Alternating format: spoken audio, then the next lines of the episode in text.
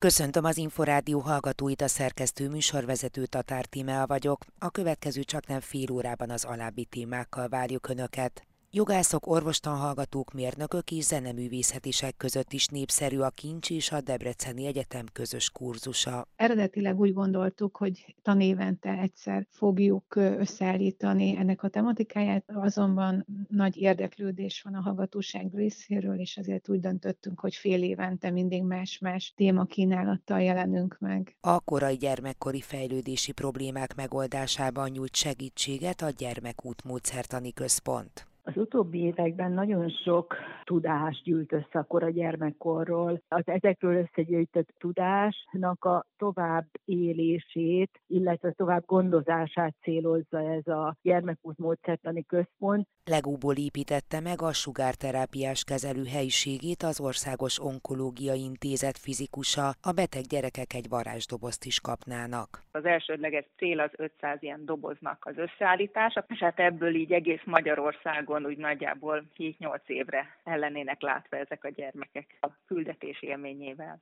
Jogászok, orvostanhallgatók, leendő mérnökök, sőt még a zeneművészeti kar hallgatói is szoktak jelentkezni a Kopmária Intézet a népesedésért és a családokért, valamint a Debreceni Egyetem közös kurzusára. A családi életre nevelés a hétköznapokban is hasznosítható tudást ad. A kurzus minden fél évben frissített tematikával indul. Erről beszélgettünk Engler Ágnessel, a Kincs Nevelés Tudományi Kutatóközpontjának vezetőjével. A családi életre nevelés kurzus sorozat szabadon választható tárgyként jelenik meg a Debrecen Egyetem kínálatában. Kopmária Intézet és a Debreceni Egyetem együttműködésének köszönhető az, hogy a hallgatók egy rendkívül színes témaköri palettáról hallgathatnak ismereteket. Nyolcadik fél évben indítjuk ezt a kurzussorozatot. Eredetileg úgy gondoltuk, hogy tanévente egyszer fogjuk összeállítani ennek a tematikáját, azonban nagy érdeklődés van a hallgatóság részéről, és ezért úgy döntöttünk, hogy fél évente mindig más-más témakínálattal jelenünk meg. Mi jellemezte a most befejeződött kurzus témaköreit? Minden fél év végén felmérjük a hallgatóság körében azt, hogy melyek azok a témák, amelyekről esetleg még szívesen hallgatnának későbbiekben bővebben előadásokat, vagy melyek azok a témák, amelyek esetleg kimaradtak, és szeretnének erről többet hallani, és az őszi fél évben beszéltünk például a családban megvalósuló kommunikációról, beleírtva itt a konfliktuskezelést, például a probléma megoldást, a szülők párbeszédjét, vagy a szülők és gyermekek közötti kommunikációt, kitértünk arra, hogy hogyan lehet észsel, szívvel, lélekkel nevelni, hiszen azt el kell, hogy mondjam, hogy ez a kurzus a pedagógus képzésben egy meglehetősen markáns szeletet kap, tehát a hallgatóságnak a nagyjából fele pedagógus jelöltekből kerül ki. Ez a téma az, az észsel, szívvel, lélekkel nevelés volt az egyik gyakorló pedagógusnak az előadásában, a másik újuk pedig arról beszélt, hogy hogyan kell jól bánni egymással az iskolában, és kitértünk a gyermekek közötti kapcsolatrendszerre, vagy beleértve itt például az zaklatásnak a témáját is. Olyan előadót is hívtunk meg az elmúlt fél évben, aki kollégiumi nevelőtanárként dolgozik. Ez a témakör még most először jelent meg az elmúlt fél évben. Említette azt, hogy a kurzus résztvevőinek nagyjából fele készül pedagógus pályára. A jelentkezők másik fele, aki nem a szakmai életében fogja ezeket az információkat, információkat hasznosítani. Miért választhatta vajon ezt a kurzust? Ezek ilyen hétköznapokban is hasznosítható információk tulajdonképpen? Azok a gondolatok köszönnek vissza a hallgatóság részéről, hogy valóban a saját életében is rendkívül jól tudják kamatoztatni ezeket az ismereteket. Eszembe jut most például egy visszajelzés, ahol a hallgató azt írta le, hogy a párkapcsolatról szóló előadást követően hazament, fogta a párját, leültette magam elé, és átnézték együtt az órai jegyzeteit, gondolatait, mert úgy gondolt, hogy ezt mindenképpen a saját párkapcsolatában is tudja hasznosítani. Egyébként az egyetemünk 13 karáról érkeznek hallgatók, ezt úgy kell elképzelni, hogy jogászok, orvostan hallgatók, mérnökök, bölcsésztetudományi kar, természettudományi kar, akár zeneművészeti karról is voltak már hallgatóink, tehát rendkívül széles az a kör, akik felveszik ezt a kurzust, és én úgy látom, úgy tapasztalom, és szintén ezt olvashatjuk vissza az ő értékelésük jelentésükben, megjegyzésükben, hogy ezzel a témával kevésbé tudtak eddig tanulmányaik során találkozni, beleértve itt a közoktatás köznevelés világát is, és úgy gondolják, hogy személyes életükben is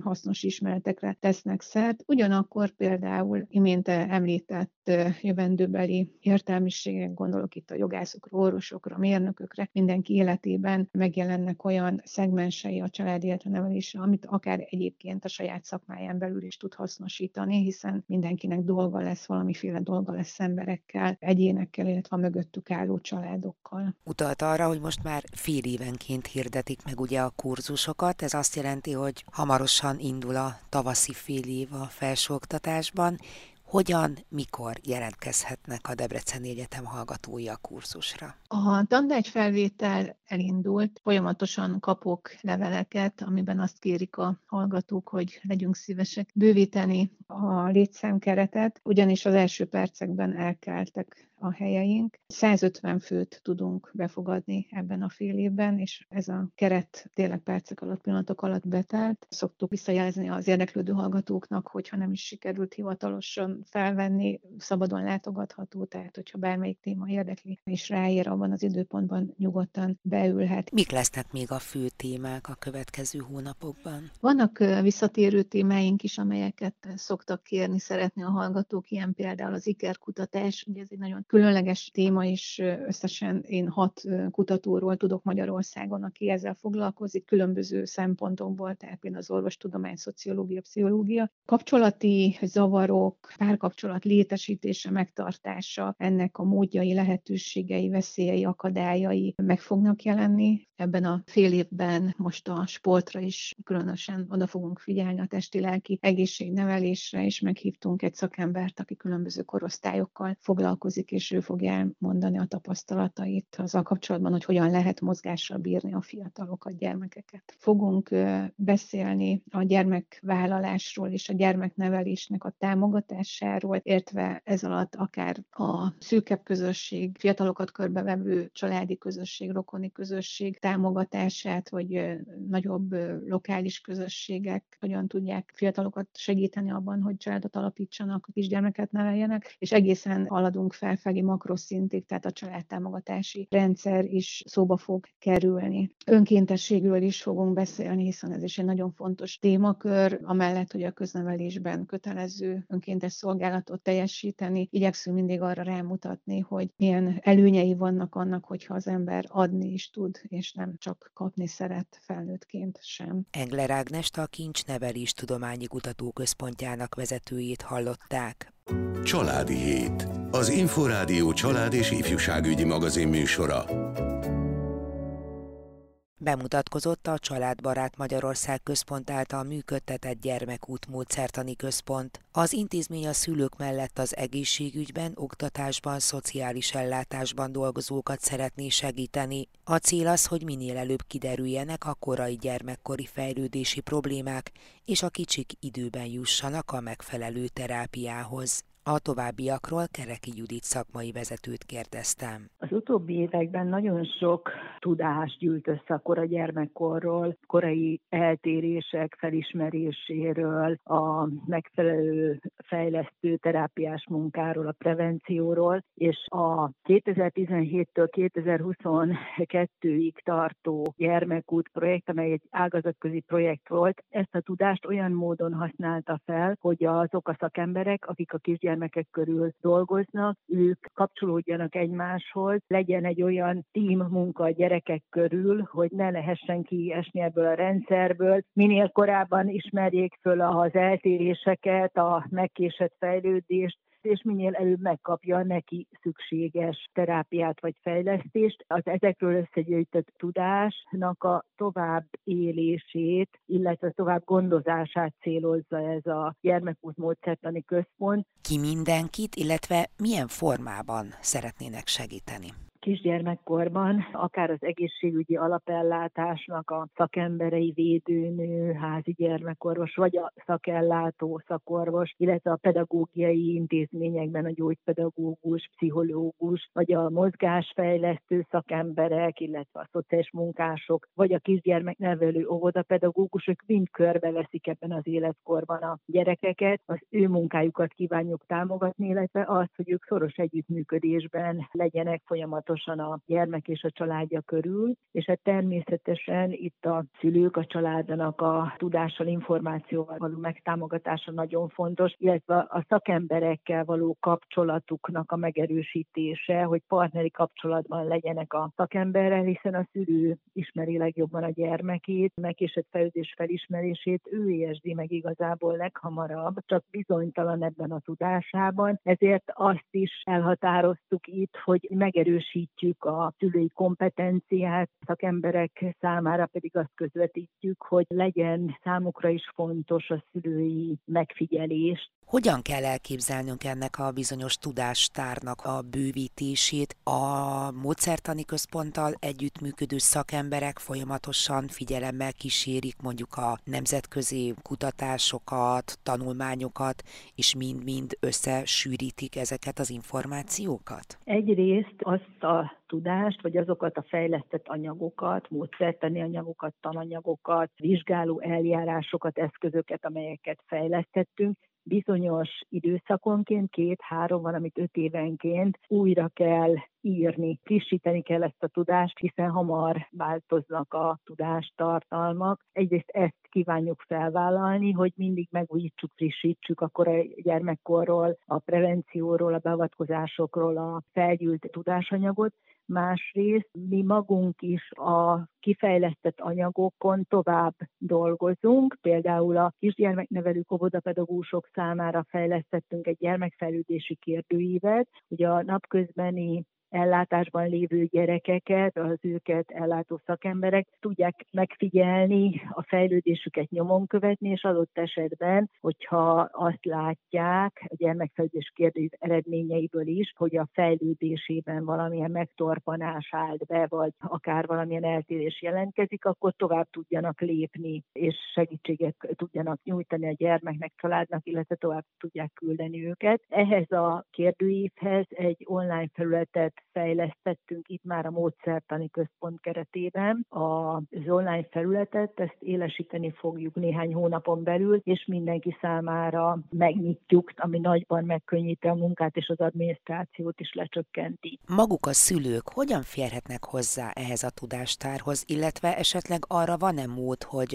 a módszertani központ segítségével kérjenek további szakmai tanácsokat? A szülők leginkább azokkal a problémákkal fordulnak hozzánk, ugye, hogy hová vigyék a gyermeküket, és ilyenkor mi minden esetben válaszolunk erre, illetve a szakemberek anyagokat kérnek tőlünk, vagy a képzéseink iránt érdeklődnek, amelyeket szintén végez az intézmény. Ezekben is segítjük őket, és van egy honlapunk, a gyermekút.hu honlap, ahol a szülőknek és szakembereknek is egy aloldalt nyitottunk, itt a szülők nagyon sok olyan információt és tanácsot kapnak, aminek az elolvasása kapcsán akár segítőket abban, hogy lássák, hogy amit ők gyanítanak, vagy felismernek, az valódi probléma, -e, vagy pedig a fejlődéshez hozzátartozó jelenség, illetve ha mégis elgondolkodnának a további lépéseken, akkor nagyon pontosan ott is leírtuk, hogy hová fordulhatnak, és milyen szakemberek azok, akik foglalkozhatnak az ő gyermekével, mi az ő kompetenciájuk, feladatuk, hogyan tud őt eljutni ezekhez a szakemberekhez. Kereki Juditot a Gyermekút módszertani központ szakmai vezetőjét hallották. Családi hét űrutazássá varázsolna a daganatos beteg gyermekek sugárterápiás kezelését az Országos Onkológiai Intézet fizikusának különleges projektje, amely bekerült a Richter Anna díj döntősei közé. Bátor küldetését egyebek mellett egy Lego lineáris gyorsítómakett, egy kisfilm és egy képregény is segíti. A közönség március 12-ig adhatja le szavazatát. A projektről az Országos Onkológia Intézet munkatársával, Frölich Georgina fizikussal beszélgettünk. A gyermekek, akik hozzánk kerülnek besugárzásra, ők még rosszabb helyzetben vannak, mint a felnőttek. Azért, mert ez az intézet ez felnőttekre épült, tehát itt nincsenek színes képek a falon, mint egy gyerekkórházba, hanem mindenhol felnőttek vannak. Másrészt pedig azért, amiért több gyermekek, tehát hogy nekik egy kicsit idegenebb ez a világ, ami itt van, nem annyira érthetők azok a fogalmak, amiket hallanak, nem feltétlenül értik meg, hogy mi történik velük. Sokszor egy, egy felnőttnek is nehéz, amikor elmagyarázzák neki, hogy hogy zajlik egy besugárzás. Úgyhogy ezért szerettük volna őket egy kicsit jobban megszólítani, közelebb kerülni hozzájuk. Hogyha jól tudom, akkor a gyermekei is partnerek voltak abban, hogy ezt a bizonyos gyermekközpontú megközelítést sikerüljön megvalósítani. Elárulna néhány részletet erről? Ez az egész úgy indult, hogy nem volt mivel szemléltetnem az egyetemi hallgatóknak. A rendes gyorsítóhoz, a besugárzó készülékhez nem lehet csak úgy bemenni egy fél órát magyarázni, mert a betegek kezelése zajlik rajta, és akkor egy legóból építettem egy, egy ilyen kis lineáris gyorsítót. A legó volt otthon, mert gyerekeim vannak. Rögtön az én gyerekeim is akartak otthonra is egy ilyen legót, mert azt nem lehet, hogy nekem egy külön legóm van. És akkor otthon is építettünk egyet, ők akkor még duplóból egyébként, mert még kicsik voltak, és aztán egy nyáron kitaláltam, hogy sokat lesz leszünk otthon a nyári szünetbe, akkor építsünk köré egy egész bunker, tehát a teljes kezelőhelyiséget, úgyhogy hazavittem az alaprajzokat, rendeltem egy csomó legót hozzá, és akkor nekiestünk megépíteni. Ők ezt természetesen nagyon élvezték, ők tudják azt is, hogy hogy, hogy zajlik egy besugárzás, meg mi az, meg hát tudják azt is, hogy a gyermekeket hogy lehet elérni ezekkel, hiszen ők is azok. És utána egy kisfilmet is csináltunk erről, mert a, a nagyfiam elkezdett uh, rengeteg stop motion videót csinálni, így legóval, felmerült, hogy akkor az én legómmal is föl lehetne venni valamit, és akkor csináltunk egy oktatófilmet így együtt velük. Ez a film akkor tulajdonképpen a legó környezetben végigmutatja azt a gyerekeknek, hogy hogyan zajlik ez a bizonyos sugárkezelés lépésről lépésre, vagy hogyan képzeljük el? Igen, igen, ez a kisfilm ez egyébként megtalálható az Onkológiai Intézet honlapján, tehát ezt a szülőknek szoktuk ajánlani, hogy nézzék meg otthon a gyermekekkel, és ebbe a filmbe a Lego térben zajlanak a jelenetek, tehát ebbe a, a Lego bunkerben bemegy a kis figura, akit azóta elneveztünk bátornak, és ott bemutatjuk a, a sugárkezelését, és közben a gyermekeim elmagyarázzák a kis videó alatt, hogy pontosan mi történik, mire kell figyelni, mi miért van, és hát egy kicsit ilyen viccesre próbáltuk fogni a videót, hogy minél jobb hangulatú legyen, és hát ez egy ilyen egyfajta ilyen felkészítése a gyerekeknek arra, hogy mi fog következni, és hát gyerekek által gyereknyelven. Mit tapasztalnak? Másképpen viselkednek-e azok a gyerkőcök, akik már látták ezt a filmet, és ezt követően látják a maga valóságában ezt a kezelést? Jobban értik, tehát ismerős nekik a besugárzó helyiség, amiket magyaráznak nekik, hogy mi micsoda, az már nekik nem idegen, tudják mi az a maszk, amit esetleg kapnak, hogyha az agyukat sugarazzuk be, tehát egy kicsit ismerősebben fogadnak mindent, illetve hát ez a, a legónak nem a teljes bunker, hanem a kicsi legó, ami csak a lineáris gyorsító, ennek egy példánya ott van a, annál a két doktornőnél, aki nálunk a gyermekeket kezeli, és azzal a, a gyerekek szoktak játszani, szétszedik, néha össze is tudják rakni, néha néha nem, de ami közös van bennük az az, hogy haza akarják vinni, hogy nekik is legyen otthon. Most ez a film, ez a projekt bekerült a Richter Anna díj döntőjébe. Mit kell tudnunk erről a bizonyos díjról? Ezt a Richter Anna díjat Richter Gedeon a gyógyszergyáros gyógyszerész feleségének az emlékére hozták létre, és olyan nőket támogatnak, akik az egészségügyben valamiféle olyan projektet szeretnének megvalósítani, ami nem konkrétan szakmai, hanem ilyen jótékony, ilyen segítő jellegű, és hát több kategóriában lehet indulni a díjért. Én így ebbe az egyéb kategóriába indultam, tehát ez a pedagógus kutatónő kategória, mert én nem orvos vagyok, hanem fizikusként dolgozom, és akkor ebbe a kategóriába lehetett bármilyen projektet beküldeni. Most zajlik egy ilyen közönségszavazás, a döntőbe jutott 15 projektre lehet szavazni. A Richter Anna díj honlapján fenn van minden projektnek a rövid leírása, néhány fénykép róluk, és egy kisfilmet is kellett készítenünk, egy rövid filmet, amiben a nagy közönség megismerheti a projektünket. Amit most itt a Richter Anna díjra benyújtottunk projekt, a fő része egy nagy ajándékdoboz, amelyben öt tárgy kap Na helyett. Benne lenne a Bátorság próba című könyv, ami mesés formában magyarázza el a különböző onkológiai kezeléseket, köztük a sugárterápiát is. Benne lenne egy kis plüsmackó, aki egy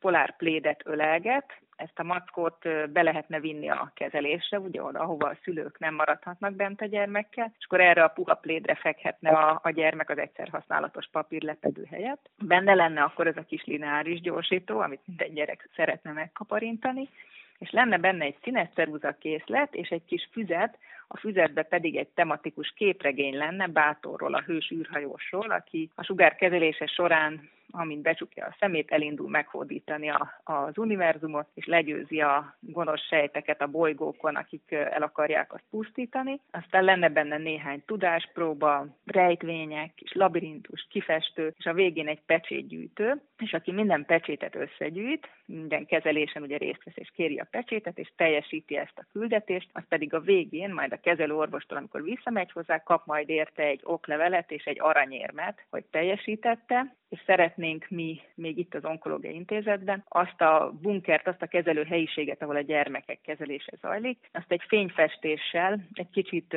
varázslatosabbá tenni, hogy amikor belép majd a kisgyermek a kezelőhelyiségbe, akkor ugyanazt a mesevilágot lássa, abba toppanjon be, amit már a képregényből, a legóból, ezekből a tárgyakból már megismert. Kicsit talán közelebb tudjuk hozzájuk vinni ezt a ezt az egészet, ami történik velük. És mindez akkor tudna megvalósulni, hogyha jó eredményt ér el, azaz megnyeri a Richter Anna díjat? Igen, igen, tehát hogyha megnyernénk a, a, hát vagy a közönségszavazást, vagy a közönség szavazás után a közönség kiválaszt egy díjazottat, egy projektet, és utána a zsűri pedig minden egyes kategóriában még egyet fog díjazni. Hogyha mi bármelyikben megnyernénk ezt a díjat, akkor ebből tudnánk ezt finanszírozni, és hát az elsődleges cél az 500 ilyen doboznak az összeállítása, plusz a fényfestés, ugye, ami örök, és hát ebből így egész Magyarországon úgy nagyjából 7-8 évre ellenének lennének látva ezek a gyermekek ezzel az ajándékcsomaggal és hát a küldetés élményével. Az Országos Onkológiai Intézet munkatársát Frölich Georgina fizikust hallották.